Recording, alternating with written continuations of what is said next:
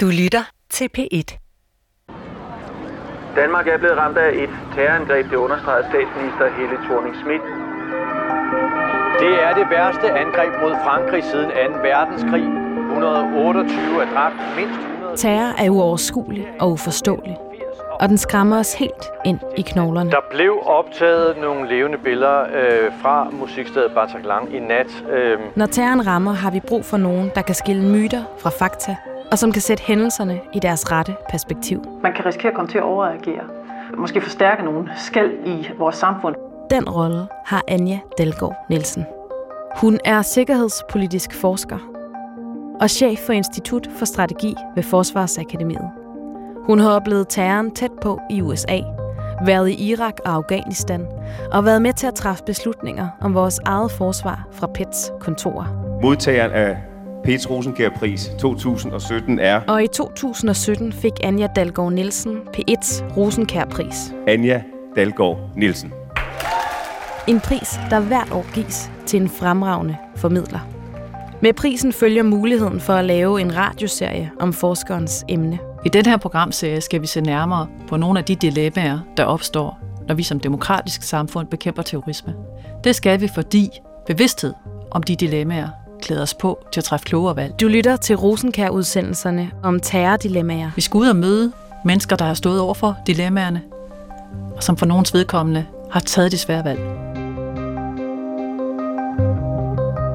Velkommen til tredje program om mediedækning og terror. For hvordan dækker vi terrorgrupper og terrorhandlinger, uden at vi samtidig går terroristernes ærne om at få opmærksomheden til at skabe mere frygt?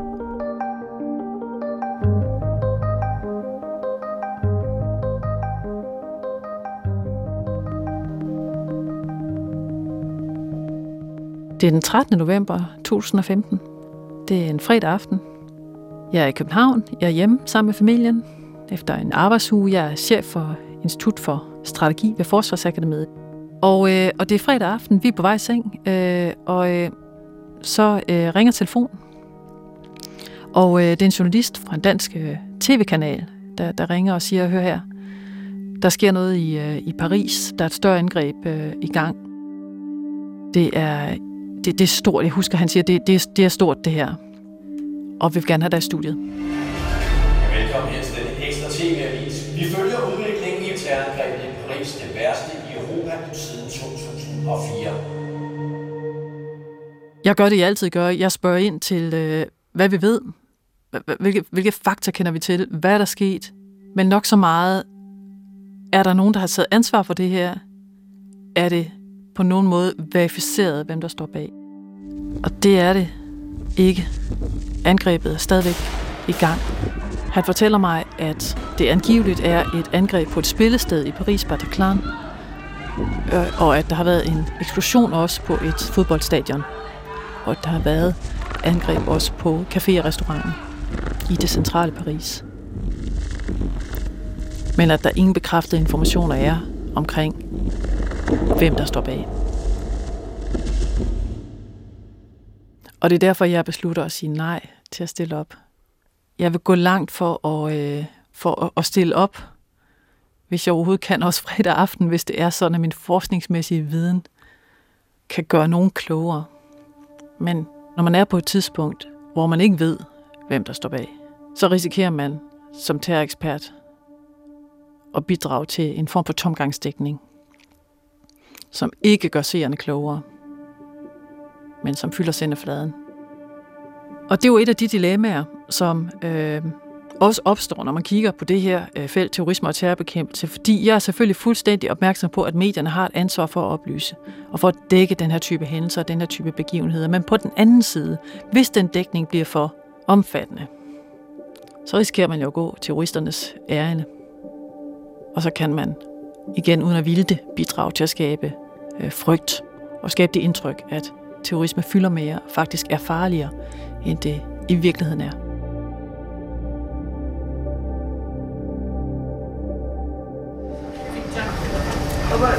Venter på Anja her? Jeg venter på hende her. Ja. Vi skal op og optage heroppe nu. Det er onsdag morgen, og Anja og jeg mødes ved receptionen i DR-byen på Amager. Hej Anna. Får vi den her.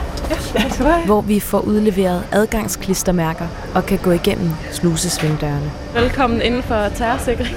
Jeg skulle lige til at sige, når jeg kommer herud, så tænker jeg altid øh, kort tilbage på den tid, hvor jeg selv arbejdede bag øh, lås og slå, havde jeg sagt, øh, slusehegn øh, og kameraer. Og øh, det kan jo være nødvendigt. Øh, det er, hvad det er. Men jeg savner det ikke. Altså, var det i PT? Ja. Er det et vildere system, end det, vi har her? Nej, det kan jeg ikke udtale mig om. Her skal vi tale med Sandy French, der er nyhedsdirektør, og som ofte må træffe beslutninger om, hvordan terrorhandlinger skal dækkes. Men allerførst vil jeg lige høre Anja om, hvad vi egentlig ved om medier og terrordækning. Altså Anja, nu sidder vi herinde midt i, øh, man kan nærmest kalde det her for, øh, for hjertet af DR, tæt på øh, nyhedsredaktionen. Altså, hvad ved vi egentlig helt basalt om mediedækning og terror? Hvad, hvad kan man sige? Ja, man kan for eksempel, for eksempel spørge, det kan være oplagt at spørge om, øh, om øh, mediedækning af terrorisme, skaber mere terrorisme. Og det man kan sige, det er, at det er i hvert fald noget, som både myndigheder og terrorister selv kalkulerer med. Øh, vi ved, at øh, forskellige terrorgrupper gør rigtig, rigtig meget øh, og er meget bevidste om, hvilken former for budskaber de ønsker at øh, få ud via medierne i forbindelse med øh, angreb. Vi ser øh, eksempler, for eksempel i deres kommunikation og propaganda på, at de instruerer meget nøje øh, mulige øh, soloterrorister, altså personer, der lader sig inspirere, men ikke nødvendigvis har nogen organisatorisk tilknytning til bestemte grupper. De instruerer dem meget nøje i, hvad er det for nogle budskaber, I skal sørge for at understrege i forbindelse med øh, angreb, I måtte gå ud og gennemføre. Vi ved også, at de har mange forskellige publikummer øh, i tankerne. Dels så er der jo, øh, det kan være et vestligt publikum, som man ønsker at skræmme og indgive frygt. Det kan være beslutningstagere, som man ønsker at lægge pres på.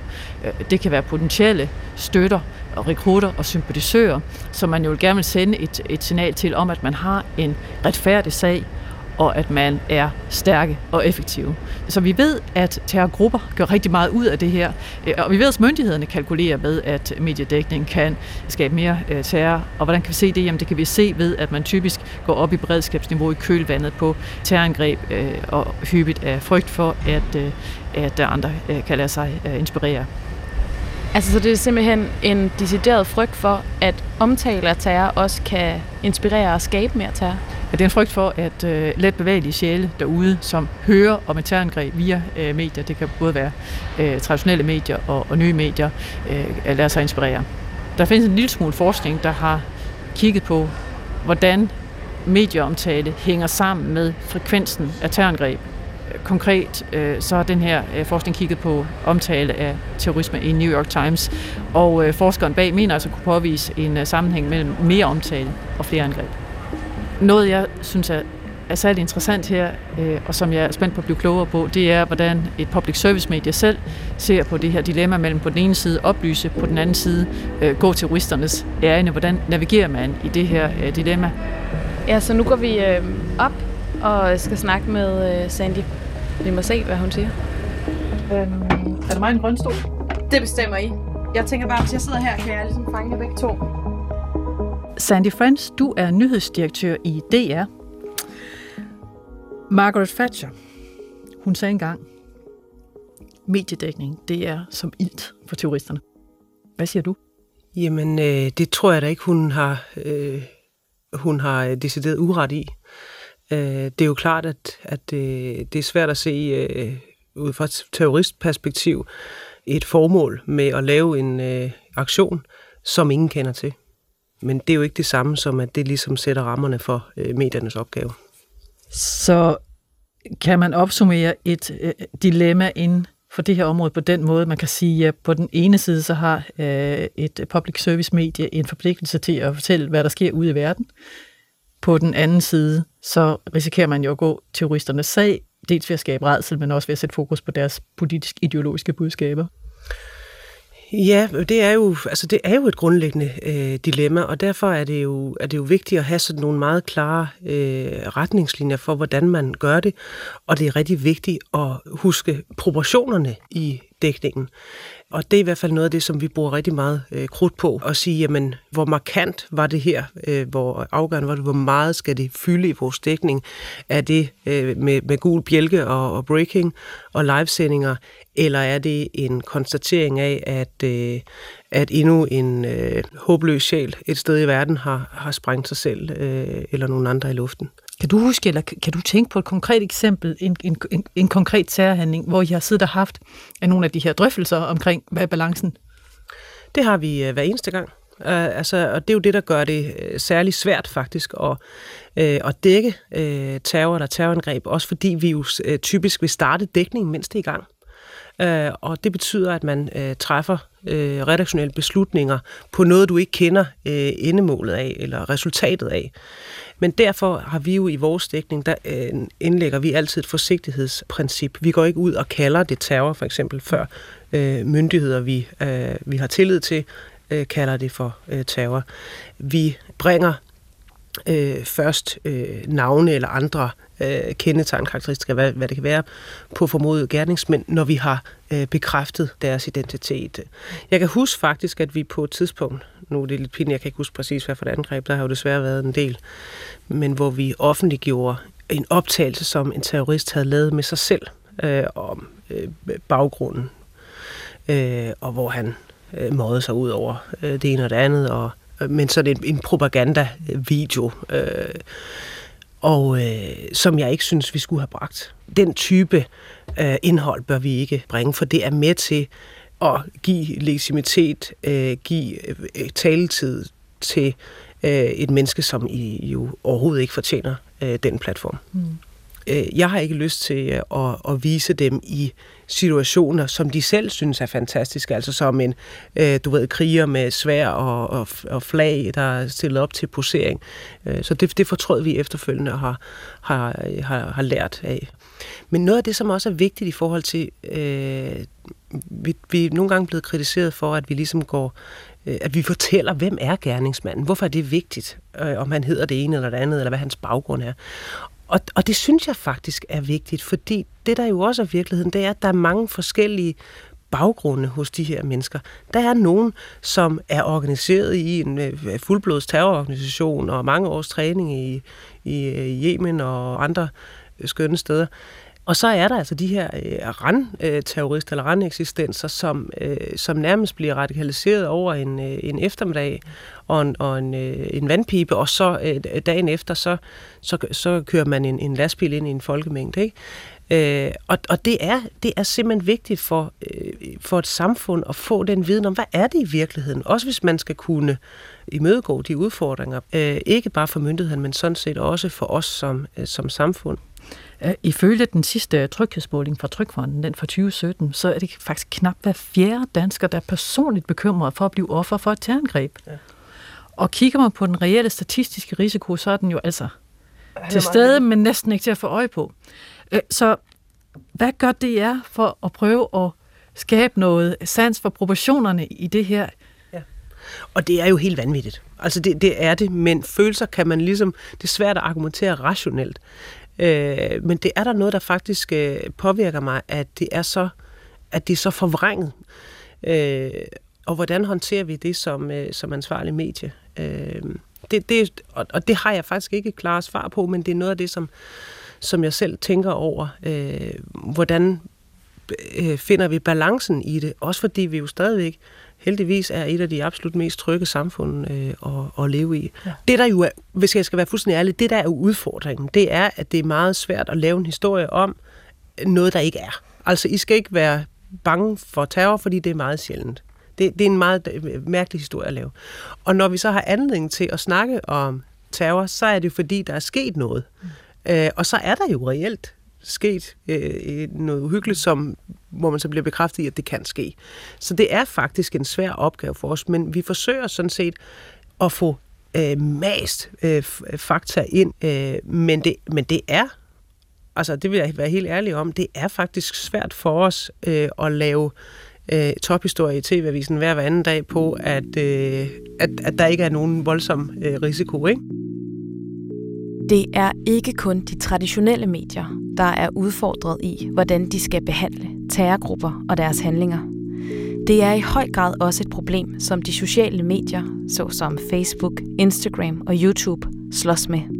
En af de ting, Sandy French hun nævner i interviewet her, det var, at der var et tidspunkt, hvor øh, det jeg viste en video af en terrorist, øh, hvor hun siger, at jeg efterfølgende, så fortrød jeg faktisk, at vi viste den, fordi vi gav ham ligesom en platform, hvor han kunne udbrede sig, hvor han kunne fortælle om, øh, hvad han ville, hvordan øh, han så øh, verden. Og øh, hvis vi et øjeblik dykker ned i, hvad er det egentlig for en fortælling om verden, de her militante islamistiske grupper for eksempel står for, hvad er det for et budskab, de grundlæggende forsøger at få ud, jamen så er det jo et budskab om en verden, der er skarpt inddelt i os og dem, og sort og hvidt og godt og ondt. Den vestlige verden er gået til angreb på islam, øh, og de fortæller en historie om, at det er en eksistentiel konflikt, at Vesten ikke vil helme, før islam er udryddet. Hvis man skal beskytte islam, beskytte muslimer mod det her vestlige angreb, så må man selv gribe til vold. Slowly but surely, your situation is becoming similar to that of the embattled Muslim community of Spain after the fall of Granada. Og øh, et eksempel på en person, der har været yderst effektiv i forhold til at sælge det her budskab til et vestligt publikum, det er den nu afdøde amerikaner øh, Anwar al-Awlaki. Muslims of the West, take heed and learn from the lessons of history. Amerikansk statsborger, jemenitisk oprindelse, øh, prædikant, imam, født og opvokset og uddannet i Vesten, karismatisk, veltalende, og som også er amerikanske myndigheder øh, i årene lige efter 11. september i første omgang blev betragtet som en, en, en moderat og en potentiel allieret i indsatsen mod terrorisme. Og øh, så sker der så en, en, en glidning bort fra det. لا تشاور أحدا في قتل الأمريكان. Anwar Avlaki, han rykker jo så fra USA til Yemen øh, på et tidspunkt i starten af 00'erne. Og øh, i øh, Yemen, der begynder han øh, så for alvor øh, kulør og fungerer der som den lokale emir, eller som lederen af gruppen Al-Qaida i Yemen, som øh, er en af de første grupper, der for alvor dygtigt formår at udnytte blandt andet øh, sociale medier, internettet, til at udgive propaganda målrettet et vestligt publikum på sprog, som potentielle vestlige rekrutter forstår engelsk, tysk, spansk for eksempel øh, udgiver øh, blandt andet et magasin, som de kalder Inspire, som henvender sig direkte til potentielle rekrutter i, øh, i Vesten, og som til forveksling ligner et hvilket som helst andet flot produceret øh, online ungdomsmagasin, men her handler det altså ikke øh, om sport eller musik, det handler om, hvad du skal gøre for at rejse til en øh, kris- eller konfliktzone, hvad du praktisk skal gøre, hvis du ønsker at tilslutte dig en militant islamistisk gruppe et sted i verden, eller hvordan du bygger en øh, bombe i din mors køkken. Øh, så målrettet propaganda og øh, målrettet forsøg på ligesom at opildne folk til at enten at rejse ud og kæmpe, eller at øh, slå til der, hvor de øh, befinder sig. En af de ting, han fremhævede, det var, jamen, det kan jo godt ske, at I, mine muslimske brødre og søstre, at I, der er bosiddende i Vesten, oplever, at jeres arbejdskollegaer er venlige, og at, at, at almindelige mennesker omkring jer er. Men det skal I ikke lade jer snyde af. For i lyset af, hvordan Vesten fører krig mod islam ude i verden, så vil den krig også før eller siden ramme jer. Og når han kunne sige det med større troværdighed end folk som for eksempel Ayman al-Zawahiri i Ægypten, der er jo leder af, al-Qaida i dag efter Osama bin Laden, når han kunne sige det med større troværdighed, så var det jo fordi han selv var født og opvokset og uddannet i Vesten. Så der, på den måde blev han en mere troværdig stemme. Avalaki repeatedly called on individuals in the United States and around the globe to kill innocent men, women and children to advance a murderous agenda. Og når på den måde temmelig langt ud, man finder hans materiale i forbindelse med rigtig, rigtig mange terrorsager, finder hans uh, propagandamateriale igen og igen. In that role, he took the lead in planning and directing efforts to murder innocent Americans. Og amerikanske myndigheder ender jo med at betragte ham som så stor en trussel, at han øh, faktisk er den første amerikanske statsborger, der bliver dræbt af en drone The death of Alaki is a major blow to Al Qaeda's most active operational affiliate. Og det er jo skældsættende, fordi det indebærer, at USA dræber en af sine egne statsborgere, uden at den person har været stillet for en domstol og er dømt for noget. Og det afspejler jo formodentlig, at øh, amerikanerne opfatter ham som en meget, meget alvorlig trussel, dels på grund af den al-Qaida-afdeling, han leder i Yemen, derudover kan det også være, fordi man frygter hans indflydelse øh, via de sociale medier.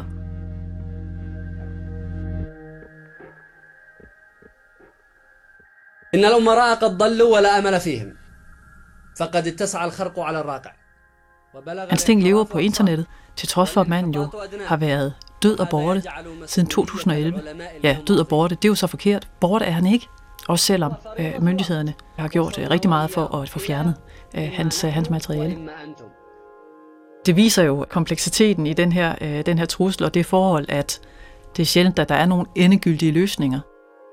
For man kan godt fjerne manden, men man fjerner ikke nødvendigvis derved hans indflydelse. Måske gør man den sågar større, fordi han nu fremstår i de kredse, hvor han appellerede som en slags øh, martyr. Sagen af Anwar al-Awlaki illustrerer også meget godt, at det for sociale medier og platforme kan være vanskeligt øh, at navigere og finde ud af, hvad skal man lukke ned for, hvad skal man ikke lukke ned for. Fordi lige præcis Anwar al-Awlaki øh, sådan set har en øh, produktion af fuldstændig legitimt, fredeligt, ikke ekstremistisk indhold, som handler om forskellige religiøse spørgsmål, øh, religiøs søgen. Det er så fra tidligt i hans karriere, som ikke kan siges på nogen måde opfordrer til terrorisme. Og så sker der så den her glidning øh, til, over til øh, noget materiale, hvor det er meget tydeligt, at øh, det her det er opfordring til øh, terrorisme. Og det er jo ikke svært at fjerne det sidste, men hvor trækker man grænsen henne? Øh, og og skal, det, skal det første så også væk, fordi han så sidenhen blev til en central ideolog i al-Qaida?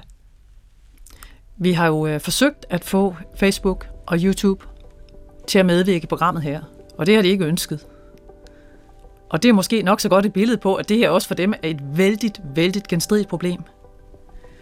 På den ene side hylder de ytringsfriheden og ser sig selv som platforme for debat og samtale og fri ytringer. Og på den anden side så har de jo også et samfundsansvar. Og hvordan lever man så op til det ansvar uden at gå på kompromis med sine kerneværdier? Hvordan er lyden? Er den fin nu? Det tror jeg. Ja, sådan skal være. En af dem, der har dækket terroren helt tæt på, er journalist og dokumentarist Najib Kaya. Han har lavet krigsjournalistik fra frontlinjerne i Afghanistan og Syrien, og her interviewet ledende medlemmer af både al-Qaida og islamisk stat. Det har bragt ham i flere dilemmafyldte situationer. Og for ham er det de journalistiske principper, der er helt afgørende. Du har som journalist og dokumentarist haft øh, adgang til en række øh, ledende medlemmer af forskellige militant islamistiske grupperinger rundt omkring i verden. Hvor går grænserne for, hvad du vil øh, viderebringe af, af, deres øh, verdensbillede, af deres udtalelser og øh, af deres holdninger? Altså, jeg, jeg, jeg, jeg har sådan set ikke rigtig sådan specifikt gjort mig nogle tanker om, hvilke ting jeg ikke vil videreformidle. Altså mit krav, det er, at jeg, at jeg, at jeg får lov til at stille de spørgsmål, jeg vil. Øh, og at de, at de ikke får redigeringsret over mit materiale, at jeg kan tage det med. Altså, øh, så længe jeg kan det, jamen så, er det jo, så følger jeg det journalistiske kodex, som jeg ligesom har svoret, at jeg vil følge. Jeg gør mit bedste for at øh, beskrive det miljø, som jeg ser dernede, så nuanceret som muligt. Og øh, jeg, altså, jeg gør mig nogle overvejelser, ret mange overvejelser omkring sådan nogle ting. Øh, jeg prøver at være så nøgtern som muligt, og jeg prøver også at vise det miljø, altså så, så råt og så brutalt som det nu er. Og, og jeg tror, at når man ser det på en måde, hvor det ikke bliver romantiseret og forskønnet, så, så tror jeg, at det generelt har en afskrækkende effekt. Øh, men jo, sådan helt konkret er der ting, som jeg som journalist, uanset om det er al-Qaida eller, eller ikke islamistiske styrker for den slags skyld, øh, står bag. For eksempel, altså, jeg, jeg vil aldrig jeg vil aldrig stå og filme nogen, som altså, bliver gjort for træd, fordi jeg ville være bange for, at det kamera, altså det på en eller anden måde altså, gør det mere øh, hvad skal, attraktivt for dem at gøre det, fordi de vil sende et signal. Sådan nogle ting. Øh, jeg ville heller aldrig filme krigsfanger. Det ville jeg ikke, uanset hvem det var. Om det så var IS, gisler eller fanger, eller hvad man kan kalde dem for. Eller om det var IS-fanger, som var tilbageholdt. Det er, sådan, det er min personlige grænse, fordi jeg, så ved jeg, at det, der bliver sagt, det bliver sagt i en sammenhæng, hvor, hvor, hvor der er nogen, der har overtaget, ikke? helt klart og tydeligt. Selv når jeg er for eksempel i et Taliban-kontrolleret område og interviewer nogen, jamen, øh, så, så, så kommer jeg med et forbehold i min speak, eller hvis jeg skriver og skriver, at jeg er i et Taliban-kontrolleret område, der står en talibaner ved siden af mig, når jeg interviewer den her person. Så kan læseren eller seeren være opmærksom på, at, at vedkommende måske ikke vil sige sandheden, og så videre. Ikke? Så det er selv der, hvor der ikke er nogen, der er presset, jamen der, der, der har jeg min forbehold. Øh, men, men ellers så, altså, så har jeg det sådan lidt, altså, jeg vil ikke, altså, jeg vil aldrig filme henrettelser og sådan nogle ting, for eksempel. Altså, se helt bort fra det, altså bare folk, der bliver afstraffet og så videre. Jeg vil være så bange for, at, at, at nogen vil gøre noget til ære for kameraet. Har du stået i sådan en situation? Nej, altså jeg har, jeg har stået i en situation, hvor øh, jeg om aftenen får videre til Taliban, at de skal angribe en afgan, afghansk base. Øh, det havde de planlagt for længe siden. Og hvis jeg havde lyst, jamen, så kunne jeg filme det. Og der, altså, der, hvad nu det hedder, der tænkte jeg, okay, hvad er reglerne her? Altså, jeg har kendskab til en afghansk base og så videre, men jeg måtte ikke have min telefon på mig. Jeg, jeg, altså, de ville ikke fortælle mig, hvor det foregik, eller noget som helst. Så på den måde var jeg ligesom, altså, uvidende om de ting. Der tog jeg ud for at filme det. Og det var, kan man så sige, heller ikke et terrorangreb. Det var en offensiv. Altså, det var en guerilla, en, en, en oprørsstyrke. Altså, Taliban, selv amerikanerne kalder dem for oprørere, men som begår terror. Så der havde jeg det sådan lidt, okay, er det meget anderledes, end at man er på den anden side og filmer, og filmer fra det perspektiv, ikke? Så, ja. Men jeg gjorde mig nogle tanker omkring det. Jeg synes personligt, altså selvom det er et område, som er en del af mit, min stofområde, at der er for meget fokus på det. Jeg synes proportionelt, at vi har for meget fokus på det. Det skaber en frygtstemning i befolkningen, og det tjener terrorgruppernes formål. Fordi deres dagsorden, især i ISS, det er at få så meget tv-tid som muligt. Øh, og, og grunden til, at de erobrede Mosul i Irak, det var fordi de irakiske soldater var skræmt for videresans. De kunne godt have stået imod dem, og, altså det var en lille herre i IS kom med, men de var blevet så bange, og det var de lidt på grund af deres mediestrategi, er jeg overbevist om. Selvfølgelig havde de begået med massakre og alt muligt andet, men, men den måde, de havde iscenesat sig selv på, og den tid, de havde fået i medierne, havde gjort det muligt for dem. Så jeg tror, at øh, som medier, så skal vi finde et ansvarligt balancepunkt mellem at dække det, som, som det bør dækkes, give det den tid, som det fortjener, det her stof her. Af respekt for de ofre, af respekt for løsningerne, men, men proportionalitet er virkelig vigtigt. Øh, er endnu vigtigere. Øh, fordi øh, det kan ikke være rigtigt, at deres strategi skal tage styringen med mængden af de informationer, vi bringer om dem. Der er jo forskellige ting, der kommer til udtryk i de her øh, interviews. Nadib Kaya siger sådan set ret klart, jeg kunne aldrig drømme om øh, at optage voldshandlinger. Øh, og vi hører Sandy French sige, at jeg husker en situation, hvor vi bragte en video, hvor jeg efterfølgende faktisk tænkte, det skulle vi ikke have gjort. Så, så vi, ser, der, der, der, vi ser også, der har været en, der er en udvikling, grænserne kan rykke sig, vi kan blive klogere, vi kan reflektere over de her ting. Og øh, det skal vi også, fordi som i så mange andre dilemmaer, der er der jo lige præcis ikke nogen løsning. Vi er afhængige af, at mange gode mennesker derude, de løbende reflekterer og løbende forholder sig til, hvordan skal den her balance være.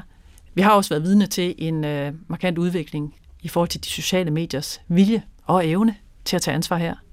De er slet, slet ikke i mål, men vi har set en udvikling, hvor de er begyndt at tage det her ansvar mere alvorligt, og altså forsøger at ramme en mere ud fra et samfundsmæssigt perspektiv rigtig balance mellem ytringsfrihed og sikkerhed.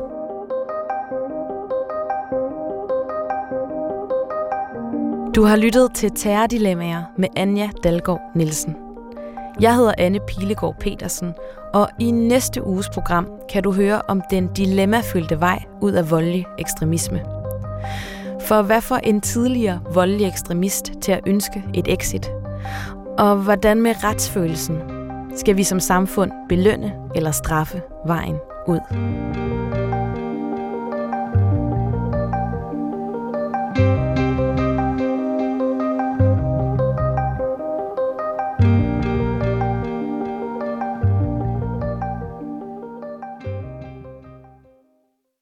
Du kan høre flere P1-podcasts i DR's radio-app.